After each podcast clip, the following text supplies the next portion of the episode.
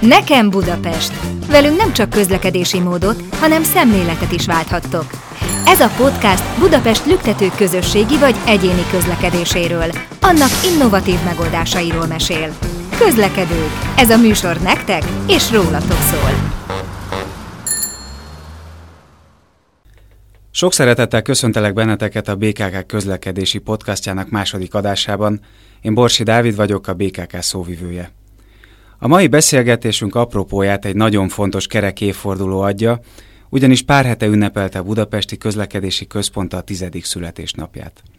Egészen pontosan 2010. november 16-án jegyezte be a cégbíróság a vállalatot, így született meg a főváros közlekedés szervezője, amely egy igencsak fontos űrt töltött be Budapesten. A BKK megállapítása előtt ugyanis eh, a fővárosban nem működött dedikált közlekedés szervező. A fővárosba érkezők, az itteni lakosok közlekedési igényeit alapszinten a fővárosi önkormányzat, mint tulajdonos megbízásából különböző társaságok szolgálták ki. Ilyen volt például a Fővárosi Taxi Kft., az FKF-be integrált közúti részleg, a Parking Kft. vagy a BKV ZRT. A változásokkal persze a BKV nem szűnt meg létezni, sőt a mai napig az egyik legmeghatározóbb szolgáltatója a városnak. Mindössze számos feladatkör átkerült onnan a BKK-hoz, és emellett a többi közlekedéssel foglalkozó önkormányzati vállalatok szerepköre is oda csatornázódott vagy integrálódott be. Az elmúlt tíz év során jelentős változáson ment keresztül a vállalatnak és a vállalatnál dolgozó rendkívül tehetséges kollégáknak köszönhetően a budapesti közösségi közlekedés, de a BKK jelentős hatással bírt a közlekedési, közúti, köztéri fejlesztésekre is. Erről és az előttünk álló évekről beszélgetünk mai adásunkban a Balázs Mordíjas Hajnaltündével, aki a BKK mobilitás szervezési szakértője, de itt van velünk Friedl Ferenc, a BKK innovációs főmunkatársa, és Csanádi Bálint, a BKK fődiszpécsere. Utazunk vissza egy picit az időben. Mesélnétek nekünk arról, hogy hogyan nézett ki a közösségi közlekedés, milyen volt a közlekedési infrastruktúra Budapesten, a rendszerváltás környékén, vagy a, a 90-es években? Tündének dobnám először a labdát.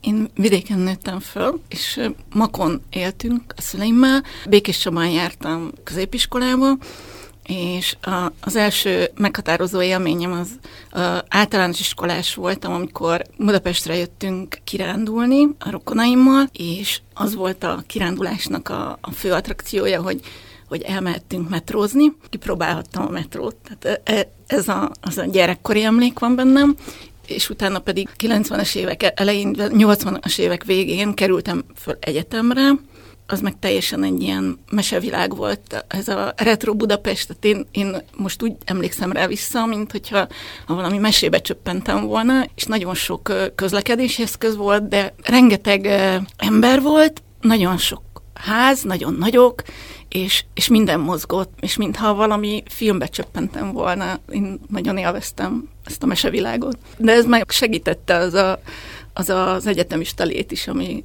az a légkör, ami körülvet bennünket. És hogyha egy picit így a személyes perspektívából kiebb lépünk, van-e tudomásod arra vonatkozóan, hogy mondjuk a, az európai nagyvárosokhoz képest milyen volt a közlekedés és az infrastruktúra a fővárosban ebben az időben? Az európai élményeim is az egyetemista évekhez kötődnek, tehát akkor kezdtem el egyáltalán külföldi, Nyugat-Európába járkálni, vagy kirándulni. A későbbi évek során elég sokat éltem külföldön, ahhoz képest na- nagyon jó volt azt érezni, hogy, hogy a budapesti közösségi közlekedés az nagyon erős.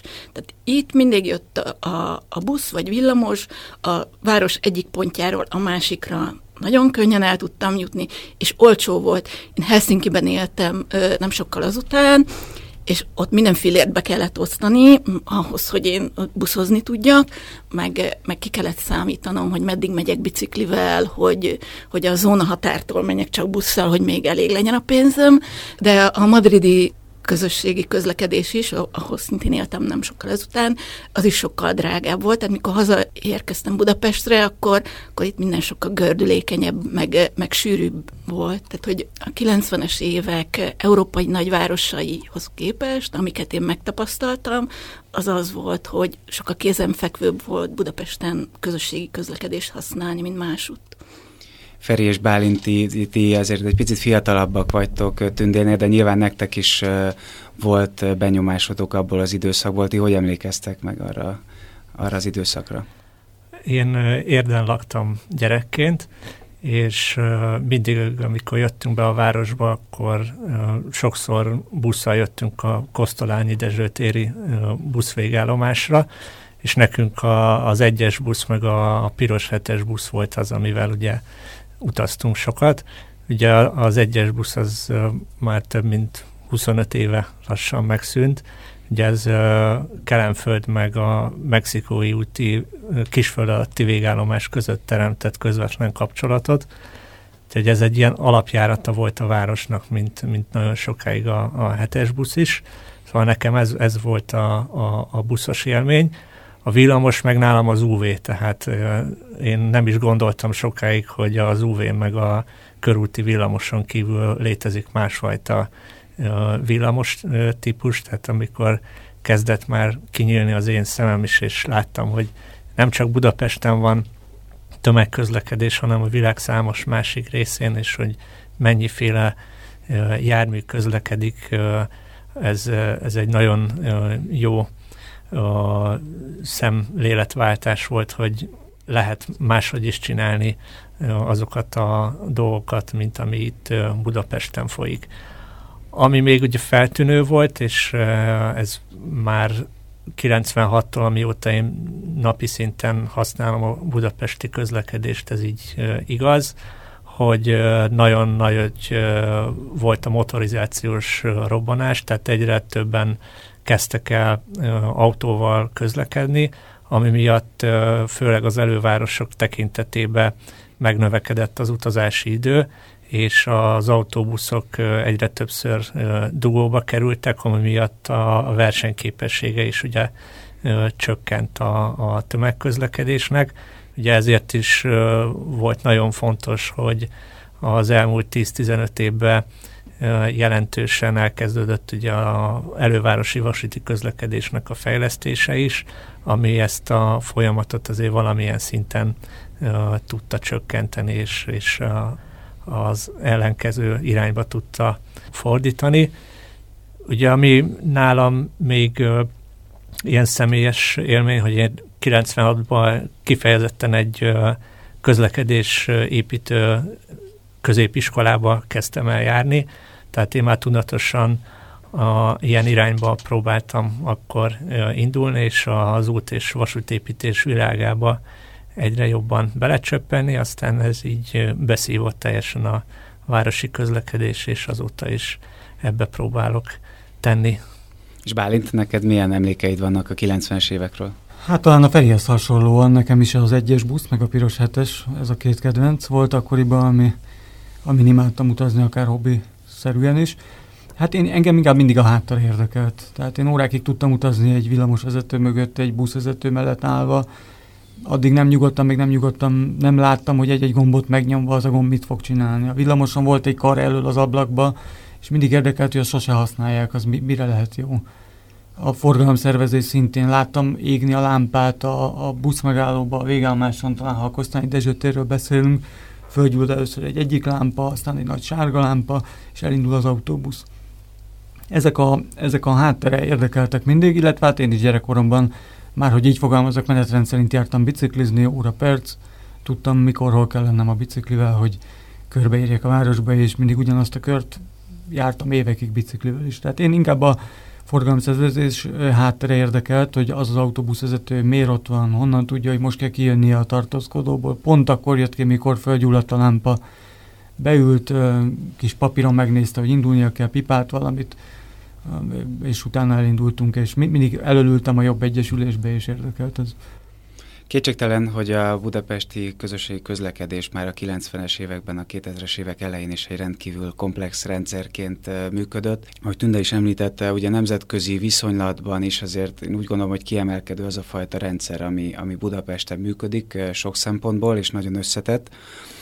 Mégis miért volt szükség arra, hogy létrejöjjön egy közlekedésszervező vállalat, egy dedikált közlekedésszervező vállalat Budapesten 2010-ben. Miért volt szükség a BKK-ra? A budapesti közlekedés az, az önkormányzat kezébe tartozott, és egy idő után az önkormányzat már nem, nem tudta ezt a szervező feladatot úgy ellátni a cégeink keresztül, hogy hogy ne látszódjon meg a színvonal romlása. Egyrészt forráshiányos volt, másrészt pedig túlságosan nagyra nőttek azok a cégek, és szerte ágazóak lettek, amelyek budapesti közlekedéssel foglalkoztak. Gondolok itt a, a közösségi közlekedésre, vagy a parkolási vállalatra, vagy a taxi szolgáltatásra. Nagyon sokféle volt, és mindegyik egy külön kis királyság volt. A, az önkormányzat viszont már nem tudta ezt koordinálni, és nem, nem tudott jó szervezőként, gazdaként fellépni.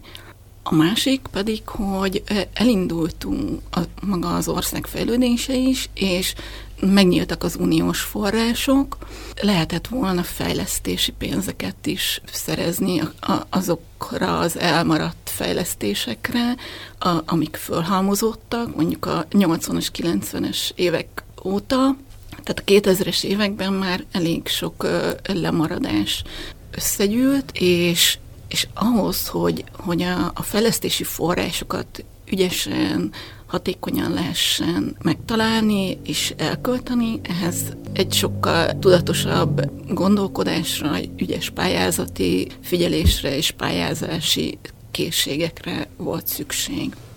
Ami még fontos volt, hogy integrálva legyen az összes közlekedési ág egy cégbe, hogy ne legyenek külön közúti fejlesztések, külön a tömegközlekedési fejlesztések, külön kerékpáros fejlesztések, hanem ezek egybe legyenek integrálva, és minden közlekedési ágnak az igényei valamilyen szinten ki legyenek, ki legyenek elégítve, és fontos volt még, hogy főleg a, a, azt a célt elérni, hogy versenyképesebbé tudjon válni a közösségi közlekedés, hogy a, a közúti fejlesztések során ne feltétlenül az legyen a, a motiváló szempont, hogy minél több autót, minél nagyobb forgalmat gördülékenyen át tudjunk e, engedni az egyes csomópontokon vagy az egyes útvonalakon, hanem legyenek figyelembe véve azok a szempontok is,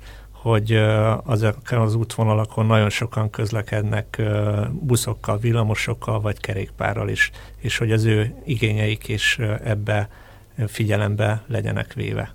Ez fontos elmesélni talán a, a hallgatóinknak, hogy a vállalat alapításakor a Transport for London példáját követtük, tehát a londoni közösségi közlekedési vállalathoz hasonló céget hoztunk létre 2010-ben, és a közösségi közlekedés szervezése mellett, ahogy Feri is említette, számos egyéb feladatot kapott a BKK. Röviden azért összefoglalnám pár szóban, tehát amellett, hogy a BKK azóta is összefogja a közösségi közlekedést, közlekedési hálózatot és menetrendet tervez, szolgáltatást rendel meg, feladata az is, hogy megversenyezteti és kiválasztja a buszszolgáltatókat, bérbicikli rendszert üzemeltet, központosítottan felügyeli az egységes taxiszolgáltatást, hajóközlekedést, e, illetve a BKK leányvállalataival együttműködésben fejleszti és üzemelteti a forgalomtechnikai rendszert, kerékpárutakat e, fejleszt és üzemeltet, és e, fenntartja a fővárosi kezelésű főutakat, hidakat. Tehát elég komplex az a feladatkör, amire a BKK hivatott a kezdeti időszakban. Ugye 2010-ben indult a cég, Mikortól volt igazán aktív a BKK, vagy mikortól volt már érezhető az ő szerepe a fővárosban?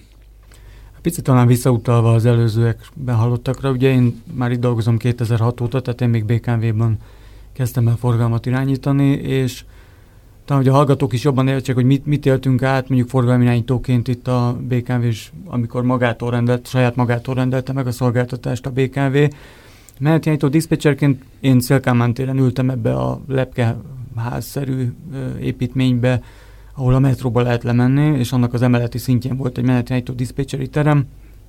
Én akkor kezdtem forgalmat irányítani, és akkor mi ezt úgy éltük meg, hogy, hogy több, nagyon sok volt a műszaki hiba. Tehát, hogy igazából azzal, hogy a BKV saját magától rendelte meg a szolgáltatást, azzal nem feltétlenül volt érdekelt, hogy minden menet teljesüljön, hiszen egy-egy autóbusz menetének a teljesítése mindenképp veszteséget termelt, és mi úgy éreztük, hogy, hogy tömegesek voltak a járatkimaradások már abban az időben. És talán ez, a, ez az új intézményi rendszer, ahogy itt a kolléganő is mondta, ahol, ahol a megrendelő szétvált a szolgáltatótól, és ugyanazok az autóbuszok, amiket irányítottunk 2009-2010-ben is műszaki hibásak voltak majdnem minden nap, azok 2011-12-től, amikor már a BKK-tól rendeltük meg, a, tehát a BKK rendelte meg a szolgáltatást a vállalkozótól, a BKV-tól, vagy épp a VT Arivától, akkor még Nógrádolán is volt egy-két járművel, nulla menetkimaradásokat produkáltak egy nap. Tehát azok a midibuszok, amik a várba jártak, én például nekem hozzájuk van személyes emlékem, 8-10 midibusz volt félreállva mondjuk ott a Szélkámán téren, tehát már nem tudtam hova tenni őket. Annyira leromlott volt a, az eszközállomány, az intézményrendszer elavult volt, nem voltak egyértelműek a felelősségi viszonyok, és ezek, ezekbe hozott egy tisztázást ez a BKK, hogy, hogy egyértelmű volt, hogy ki kitől rendeli meg, ha nem teljesül egy menet, akkor, akkor kiködbérezi, kiködbérezi a BKK a szolgáltatónak, és kapásból érdekelt lett, ugye rögtön érdekelt lett a szolgáltató minden menet teljesítésében. És ez az, amit utána az utasok is éreztek, hogy nem volt menetkimaradás. A, a, ami utána már ott is érződik, hogy nincs tömeg egy autóbuszon, tehát nem 10-20 percenként ön egy piros hetes, és vajon fölférek-e az alsó lépcsőre, hanem egymást érik, hiszen minden jármű forgalomban volt. Én ezt így éltem meg ott, ezt a 2008 és 12 közötti változást. A kérdésedre a válasz talán 12-re datálnám azt, amikor a forgalomjányítás is átkerült a Budapesti Közlekedési Központba, és mi is átkerültünk a megrendelői oldalra, és onnantól érzem, hogy a BKK elnyerte a mostani erős formáját. És a BKK alapításával párhuzamosan elindult a szolgáltatóknak a járműpark állományának frissítése is, vagy e- ebben nem volt nagyon összefüggés? Ugye a BKV folyamatosan próbált forrás szerezni, de nem mindig járt sikerrel. Ugye az utolsó nagyobb busz beszerzés az 2006-hoz kötődhet, amikor 150 darab Volvo alacsony padlós autóbusz érkezett a, a főváros útjaira. Ugye ez volt az első csuklós autó, alacsony padlós autóbusz a, a fővárosba. Ezeknek a buszoknak a többsége még ma is fut, igazából már lejárt az élettartamuk, és ezeket is cserélni kellene de nem, nem volt ugye forrás új járműveknek a beszerzésére, és ezért is volt ugye nagy előrelépés a BKK-nak a megalap, megalapítása, mert megrendelőként a szolgáltatóktól előírhatta, hogy új vagy használt, de alacsony padlós autóbuszokat szerezzenek be, és ezekkel nyújtsák azokat a szolgáltatásokat, amelyekkel versenyképesebbé lehet tenni az autóbuszos közlekedést. Szerintem fontos azt is tisztáznunk, mert nem biztos, hogy minden hallgatónk tisztában van azzal, hogy pontosan melyek azok a szolgáltatók, akikkel a BKK együttműködik, hiszen ugye a BKK, mint közlekedés szervező van jelen a főváros életében, nekünk saját autóbuszaink, járművezetőink nincsenek. Kik azok, akik ezt biztosítják a közösségi közlekedésben? A legnagyobb szolgáltatónk az a BKV, aki a, a buszágazat területén kb. 50%-ban ö, ö, szolgáltat, ezen kívül a VT Arriva, ö, volt a Volánbusszal is szerződésünk, ezek mind, mindig ö, ö, egy időszakos közbeszerzés útján meg, versenyeztetett szerződések. A metró ágazat és a villamos ágazat pedig kizárólag a BKV szolgáltatása.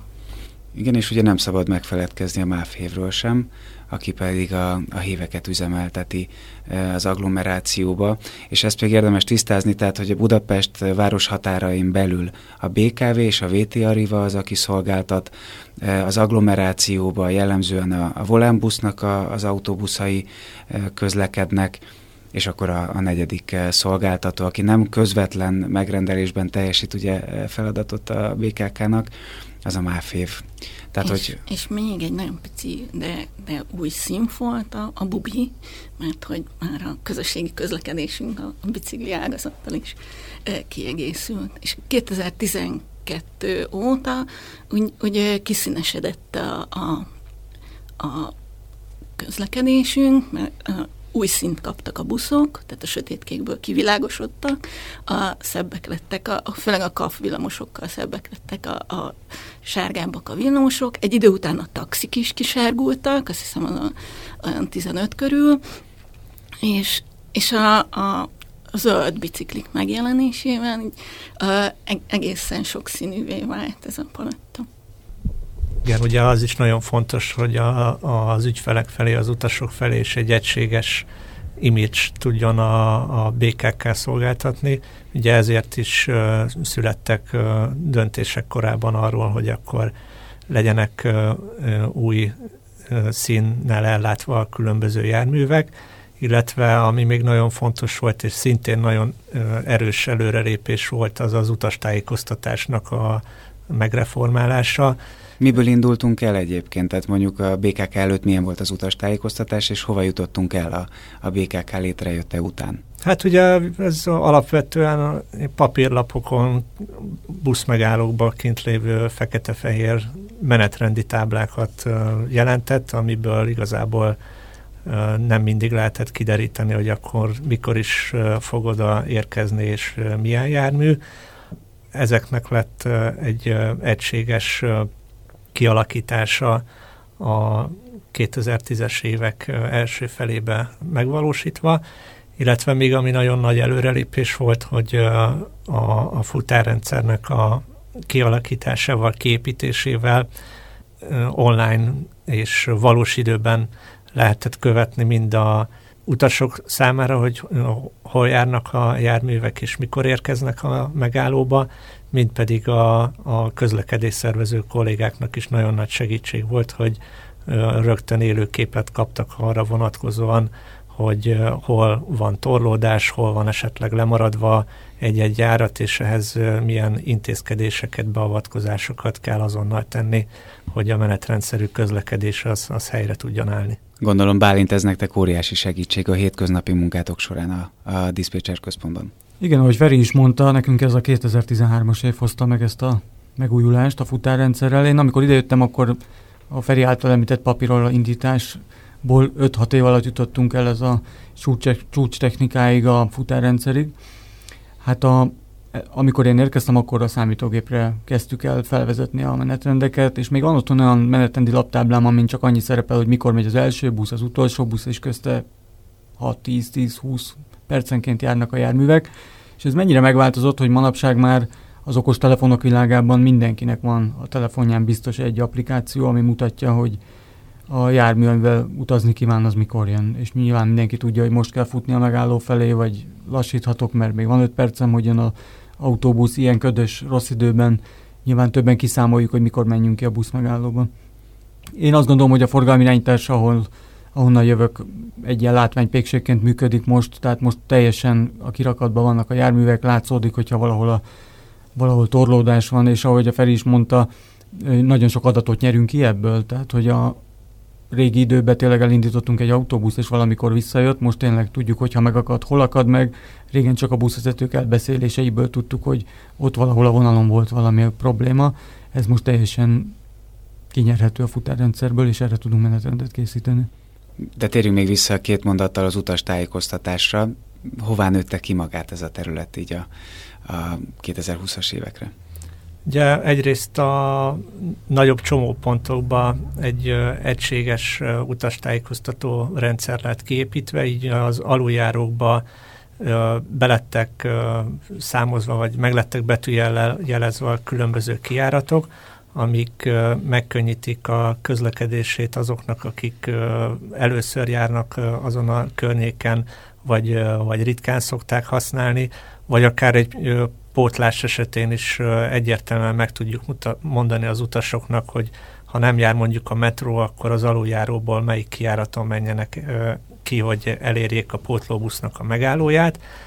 Másrészt a, a, az egységesítés révén ténylegesen a megállóba is most már azok a valós indulási időpontok vannak kiírva, amelyek percre pontosan megmondják, hogy mikor fog érkezni a busz. Nem ahogy, amit a Bálint is említett, hogy bizonyos időintervallumok között, hogy lehet, hogy 10 vagy lehet, hogy 20 perc múlva, hanem biztosan lehet tudni, hogy, hogy mikor fog érkezni egy-egy járat. A városkép része, része lett a, a sok kijelző. Most már hiányozna, vagy keresni az ember, keresi az ember a szemével.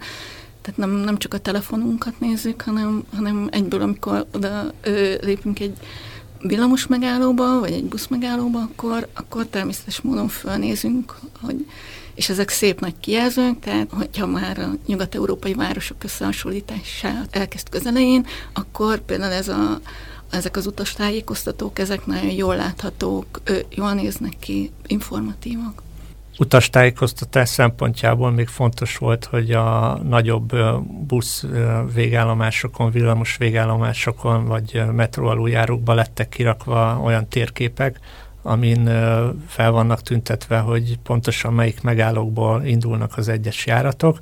Ugye ezek a térképek elérhetőek a BKK honlapján, le lehet tölteni, tehát aki előzetesen szeretné megtervezni az utazását, azt, azt meg tudja tenni.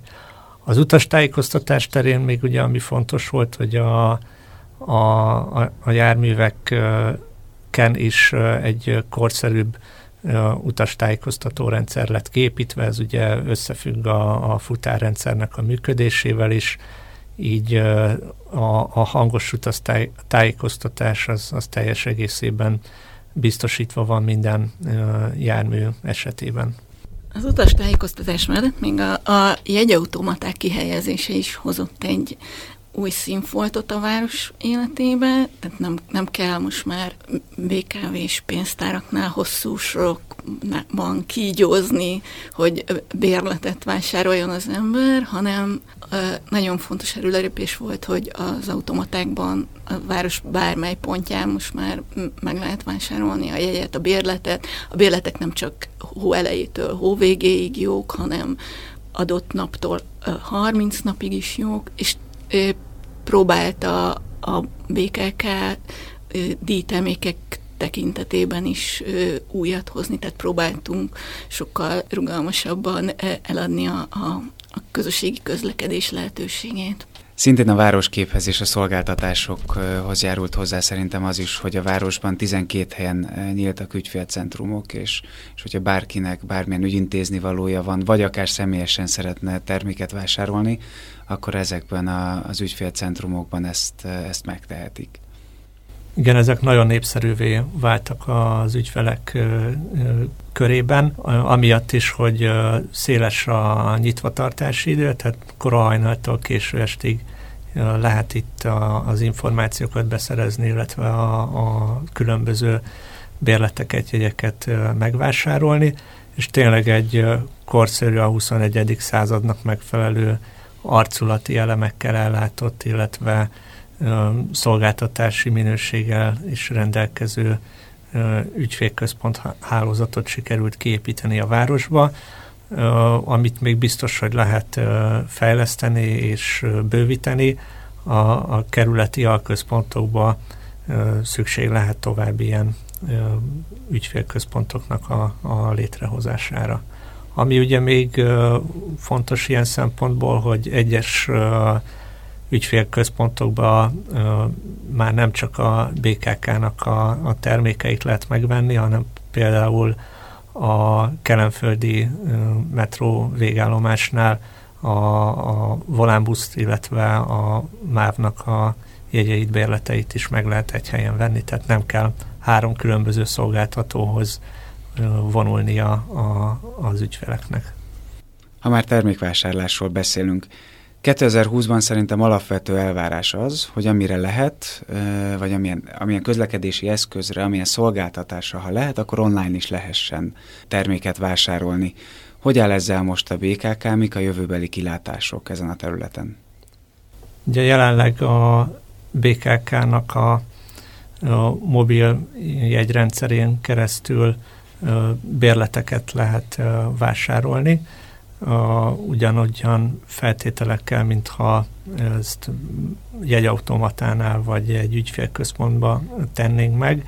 Tehát ki lehet választani, hogy milyen terméket, milyen időtartamra szeretnénk használni, vagy igénybe venni, és utána ezt a mobiljegyet vagy mobilbérletet ugye az autóbuszoknál lehet érvényesíteni a, az első ajtónál, illetve egyes metró megállóknál a jegyérvényesítő készülékeknél elhelyezett úgynevezett QR kódoknak a, a leolvasásával. Nyilván ez csak egy első lépés ahhoz, hogy egy valóban digitális díjtermék tudjon létrejönni és tudja használni minden egyes utas, aki szeretné igénybe venni a közösségi közlekedést Budapesten. Ebben még van elmaradása a BKK-nak, de most is zajlanak azok a fejlesztések, amik egy integrált közlekedési applikációba gyúrnák egybe a, a futármenetrend tervezést, a, a bérletvásárlást, vagy akár a, a bubi bicikliknek a használatát. Maradjunk még egy picit a közösségi közlekedésnél. Melyek azok a közösségi közlekedési fejlesztések az elmúlt időszakból, amelyre igazán büszke lehet a vállalat?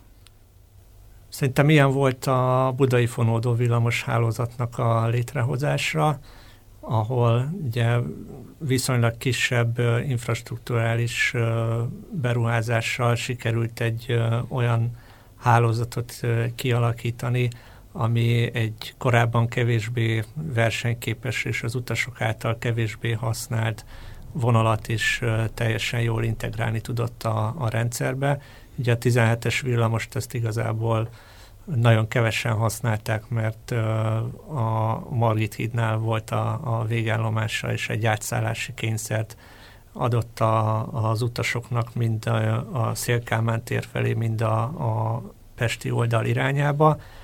Azzal, hogy ugye kvázi visszaépült az a, az a kapcsolat, ami kettes metró, illetve a Szentendrei évnek a Battyányi téret történő behozatala után megszűnt. Ugye itt volt korábban egy villamos vonal, ami a Margit hídig elvitte az utasokat. Szóval azáltal, hogy itt egy kapcsolat ki tudott alakulni Észak és Dél-Buda között, mind a, a rakpart, mind pedig a Szélkámán tér felé, egy az utasoknak nagyon kedvező a viszonylathálózatot lehetett létrehozni, mert átszállásmentesen el lehetett jutni Dél-Budáról Észak-Budára. Másik nagyon jelentős fejlesztés volt szerintem az egyes villamosnak a, a lényegében teljes felújítása, illetve a két ütemben történő meghosszabbítása a 11. kerületbe, és hát nem felejthetjük el a négyes metrónak az átadását is, ami szintén jelentős változást hozott a, a, a város életébe, mert magával a metró vonalnak az átadásával nagyon sok új buszjárat is indult a, a, a déli térségbe is, ami egy sokkal korszerűbb eljutási lehetőséget biztosított a, a városlakók számára. A városkép szempontjából nagyon ö, meghatározó volt a Szélkámán tér felújítása, vagy előtte még a, a Margit híd felújítása is nagyon megszépültek. A villamos hálózat fejlesztése kapcsolatos köztérfejlesztések, vagy a négyes metróhoz kapcsolódó ö, csomóponti fejlesztések is mind-mind olyan megújulást jelentettek a város életében, ami egyrészt a a közúti közlekedés szervezését, forgalomtechnikát könnyebbé tette, másrészt pedig minőségi gyalogos felületeket, sokkal jobb gyalogos kapcsolatokat tudtunk létrehozni a, ezeknek a nagyobb infrastruktúrális hálózati fejlesztéseknek a révén. És a forgalmi irányítás, akkor mi pedig az új járműveket fogadtuk nagy örömmel, amit 2010 óta beszereztünk. 2012-ben kezdődött talán a VT Arivának mint szolgáltatónak érkezett, ha jól emlékszem, 150 darab autóbusza, és ez a járműállomány fejlesztés, ugye 2010 körül a autóbuszos ágazatnak az átlag életkora 18 év volt, a műszaki menetkimaradások nagyon magasak voltak. Mi a forgalmi amit ebből érzékelünk, a új trollibuszok, önjáró trollibuszok, amit az utasok is érezhetnek, hogyha bármilyen zavar történik a trolli hálózaton, akkor nem autóbuszokat csoportosítunk át a trollibuszok pótlására, hanem ezek az önjáró trollibuszok kikerülve az zavar helyszínt más útvonalon mennek tovább, így azok is tovább utazhattak az autóbuszon, akiket korábban leszállítottunk az autóbuszokról, és ezek az autóbuszok bizony mentek trollibuszt pótolni. Az új villamosok szintén a rendelkezésre állásukat tekintve jóval megbízhatóbbak, ebből is érkezett már legalább 50 darab a, a hálózaton van, szintén javítva a rendelkezésre állásokat. Hogyha a járműállományról beszélünk, azért legyünk őszinték magunkkal és a hallgatóinkkal szemben is. Azért bizonyos területeken még nyilván van szükség megújulásra. Mekkora az átlag életkora nagyjából a hazai flottának, és mely területeken szükséges szerintetek mindenképpen megújulás? Hát minden ágazatban más és más, ami a legelőregedettebb az a hév, tehát ott, ott biztosan jól fog jönni, hogyha a hév járműfejlesztésre forrás talál, a, mondjuk a Budapesti Fejlesztési Központ, az már nem mi leszünk, de a villamos hálózat is, a trolli hálózat is még folyamatos megújulás előtt áll, a metró az most a hármas metró megújulásával ez így egy kicsit előrébb haladt, viszont ott a kis metró az, ami nagyon előregedett, a kis metró járműparkját is meg kellene újítani. És hát a buszágazatban, ami a legtöbb járművet jelenti, ott pedig folyamatosan kell új buszokat hoznunk a rendszerbe ahhoz, hogy, hogy egy olyan 8-9 éves átlag életkor legyen a buszok között. Tehát az lenne az ideális akkor. Igen.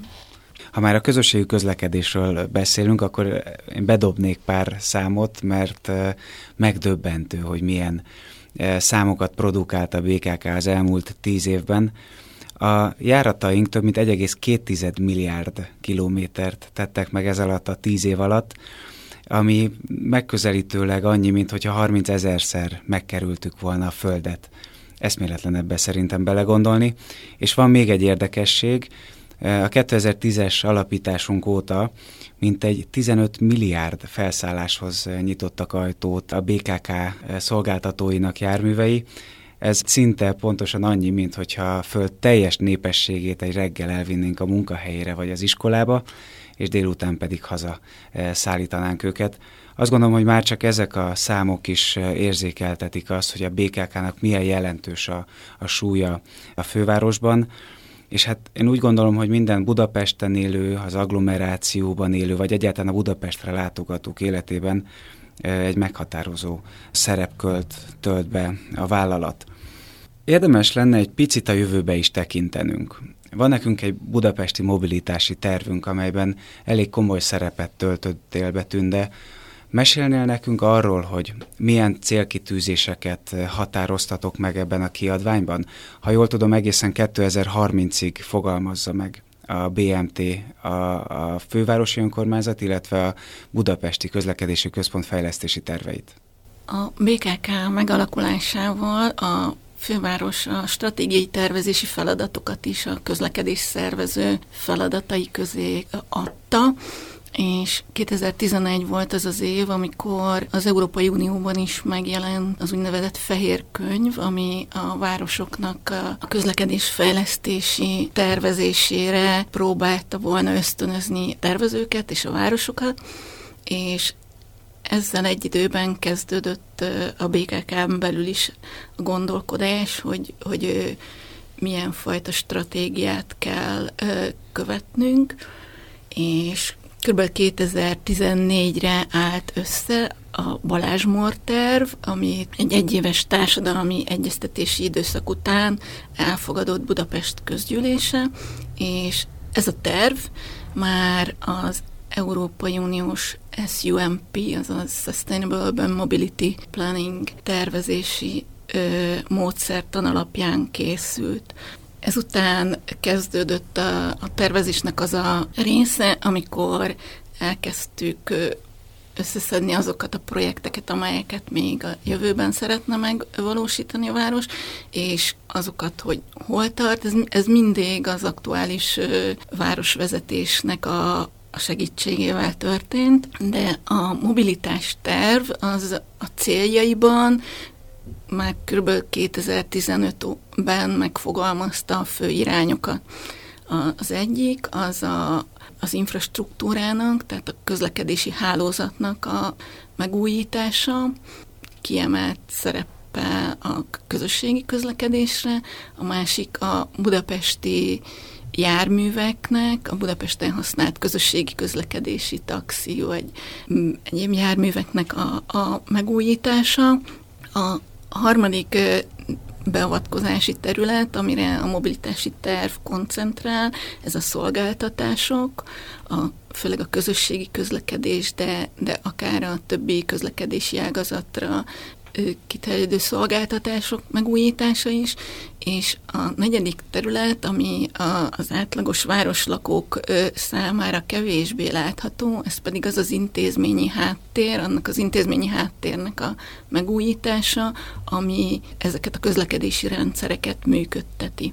Tehát a budapesti mobilitási tervről való gondolkodás az már jó néhány éve zajlik, és ö, ahogy a, a az uniós módszertani keretek is egyre inkább kikristályosodtak, úgy mi is 2017-ben újra kezdtük a tervezést, és 2019-ben lett elfogadva a budapesti mobilitási terv a, a mai formájában.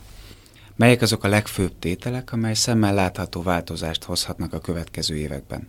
A budapesti mobilitási terv ha ilyen nagyon közérthetően szeretném megfogalmazni azt, hogy mire való, vagy miért is kell, azon kívül, hogy a város közlekedésének legyen egy jó jövőképe, azért is nagyon fontos, mert hogyha valamilyen fejlesztést, valamilyen projektet szeretnénk megvalósítani, és erre uniós forrás szeretne igénybe venni a város, akkor ez a terv az, ami ezeknek a projekteknek az alátámasztottságát megadja.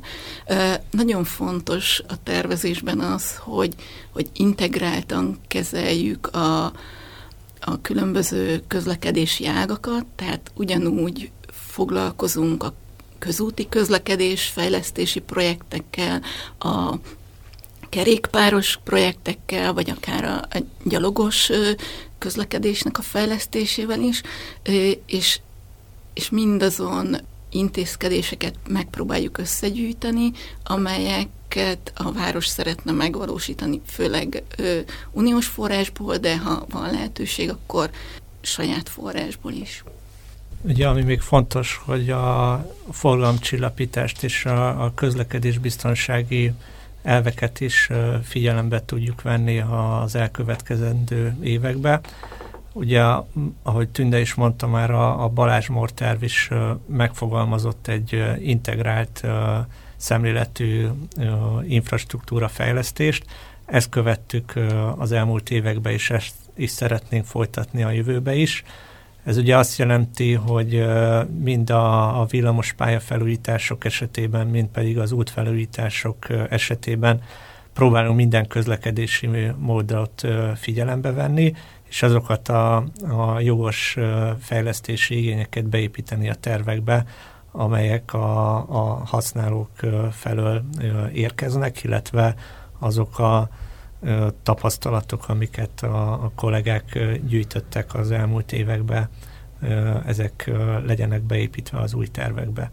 Ugye most zajlik a fővárosnak egy közlekedésbiztonság és forgalomcsillapítási akciótervének a készítése, ami szintén ugye ez a budapesti mobilitási tervnek a, a szempontrendszeréhez igazodik. Ugye a, a célja az, hogy a, a lakóterületeken azt az átmenő forgalmat ki tudjuk szorítani, amelyeknek igazából nincsen ott keresni valójuk, és a fő és gyűjtőút hálózat legyen az, ami ténylegesen azt a forgalmat lebonyolítja, ami ezekre lett kitalálva, és a, a lakóterületek azok egy élhetőbb területté tudjanak válni, ahol biztonságosan tudnak az emberek mind sétálni, mind gyalogolni, vagy pedig a, a lakóhelyükre eljutni a, a, akár ugye autóval. Ugye, a, ami még fontos szempont, hogy a BKK nem csak közösségi közlekedési projektekkel foglalkozik, hanem vannak olyan közúthálózati, illetve műtárgy felújítási, fejlesztési projektjei is, amelyek mind-mind szükségesek ahhoz, hogy a, a közösségi közlekedés is egy megfelelő módon tudjon működni a városba. Tehát vannak hálózati hiányok a, a közúthálózatban is, amelyekre kell valamilyen választ adni, ugyanakkor nem egyszerű kérdés, vagy nem egyszerű megoldást találni arra, hogy hogyan tartsunk egyensúlyt a között, hogy forgalmat is akarunk csillapítani, illetve valahol meg jogos fejlesztési igényeket szeretnénk kielégíteni, úgy, hogy élhető maradjon a város. Ha az ember fellapozza a budapesti mobilitási tervet, akkor egyértelmű célkitűzésként jelenik az meg, hogy hosszú távú vízióként szeretnénk javítani a környezetbarát közlekedési eszközöknek a részarányát a városban. Ezt milyen lépésekkel lehet elérni Budapesten? A fenntartható ö, mobilitás tervezésnek a nagyon fontos szempontja, hogy nem, a, nem csupán a közlekedési ágakra koncentrál, hanem a, a közlekedő embernek a szempontjait próbálja meg leginkább szem előtt tartani. A közlekedő embernek és a, a, az élhető városnak a, a szempontjait ehhez a város tervezési filozófiához próbálunk mi közlekedést szervezni, közösségi közlekedést, de közúti közlekedést, gyalogos közlekedést vagy kerékpáros közlekedést is mobilitási tervnek a nagyon hangsúlyos része, hogy a város élhetősége szempontjából minél inkább fenntarthatóbb és minél inkább környezetbarát a közlekedési eszközöket vagy közlekedési megoldásokat alkalmazzunk. Ugyanúgy köz, környezetbarát megoldás lehet egy, egy szolgáltatási vagy szervezési projekt is, amivel mondjuk kevesebbet használunk környezetszennyező eszközöket, mint egy elektromos vagy kevésbé károsanyag kibocsátó járműnek a, az alkalmazása. Tehát nagyon sokrétű az a feladatcsoport, a fenntarthatóság és a környezeti szempontok alapján igyekszünk ö, közlekedést tekintetében megvalósítani. Ehhez kellett egy olyan mobilitási terv, ami minden ágazatra kiterjed, és minden ágazatban a zöld szempontokat, a, az élhetőség szempontjait fokozottan, célirányosan vizsgálja. Ugye ehhez hozzátartoznak a korszerű járművek, tehát a buszok esetében is minél magasabb, vagy minél kisebb károsanyag kibocsátást biztosító buszoknak a minél szélesebb körű alkalmazása. Ugye a trollibusz járműállománynak a megújítása, illetve esetleges trollibusz hálózat fejlesztések jöhetnek még szóba, kihasználva a járműveknek az önjáró képességét. Ugye bizonyos esetekben villamos hálózati fejlesztésekre is lehet várni az, a következő évekbe, és hát ugye nagyon fontos ehhez az is, hogy az elővárosi vasúti közlekedés is minél nagyobb szerepet tudjon kapni, nem csak az elővárosok tekintetében, hanem a városon belüli utazások esetében is. És mindezt tudják kiegészíteni különböző beavatkozások, amik kerékpáros közlekedést minél jobban támogatják, illetve a, az elmúlt években megjelent különböző mikromobilitási eszközöknek a, a használata. Például gondolunk itt a, a rollereknek, vagy egyéb ilyen közösségi kis járműveknek a, az alkalmazására, mely leginkább ugye a belvárosi területeken tud rövidtávú utazásokat kiváltani, de például az elmúlt napokban a, ezek a bérrollerek, amiket látunk az utcán, már kiléptek a belvárosból, és már Békás megyeren, Újpesten, vagy akár Csepelen is lehet lime rollerekkel közlekedni. Tehát itt egy tényleg egy olyan forradalom előtt is állunk, amit még pár évvel ezelőtt mi sem tudtunk elképzelni, hogy lesz egyáltalán ilyen, és ezeket az új eszközöknek a használatát is a, a, a várostervezés, illetve a közlekedés tervezés során figyelembe kell vennünk az elkövetkező években. Illetve ha még itt a fenntartató közlekedés és környezetszennyezésről beszélünk, ugye a forgalmi irányításban mi öt éve már legalább alkalmazunk igényvezérelt járatokat is, amik csak akkor közlekednek, ha erre előre regisztrált valaki. Talán nem lövöm le még a poén, de most mikor itt beszélünk, már a utolsó stádiumban vannak már azok a fejlesztések, ahol ezt kiváltjuk talán egy jelenleginél korszerűbb verzióval, ahol nem betelefonál az utas, hanem majd fog tudni egy internetes felületen regisztrálni előre, felgyorsítva és kedve csinálva ebben a utazást az ilyen járatokon, és már vizsgáljuk azokat a járatokat, amiket még be lehetne vonni ezekbe a igényvezérelt járatokba, ahol azokat a napszakokat, vagy azokat a napokat keressük, ahol ezek csak akkor indulnak el, ha erre előzetesen utas regisztrált. Hogyha Budapesten közlekedünk, szerintem egyértelműen látható az, meg érzékelhető, hogy, hogy a közlekedés a fővárosban, de nem csak Magyarországon, hanem, hanem világszerte átalakulóban van. Egyre nagyobb teret nyernek az alternatív közlekedési lehetőségek, egyre inkább érzékelhető az, hogy minden közlekedésben szereplőnek megkívánják teremteni a, a megfelelő infrastruktúrát ahhoz, hogy az utazók, a közlekedők, akik A-ból B-be szeretnének eljutni, a lehető legjobb közlekedési eszközt válasszák maguknak. Mert azt hiszem, hogyha ha BKK-nak valamiben nagyon fontos szerepe van, akkor, akkor Budapesten az az egyik, hogy, hogy megteremtse annak a feltételét, hogy a lehető legtöbb közlekedési eszközre vagy eszköz használatára lehetőség nyíljon. Ezért van szükség arra, hogy a közösségi közlekedést sok helyzetben előnyben részesítsük, ezért van szükség arra, hogy a kerékpársávok száma nőjön a, a fővárosban. 1,2 milliárd kilométert tettek meg velünk az utasok az elmúlt évtizedben, ez 10 év távolsága, de ahogy a beszélgetésből kiderült, számos lehetőség áll előttünk, amit én azt gondolom, hogy a, a BKK rendkívül tehetséges csapata a következő időszakban is meg fog ragadni, és én szerintem ezt a kollégáink nevében is kijelenthetjük, hogy a, a BKK a környezetében lévő együttműködő partnerekkel közösen mindent megtesz majd annak érdekében, hogy 21. századi módon fejlesz a főváros közlekedését.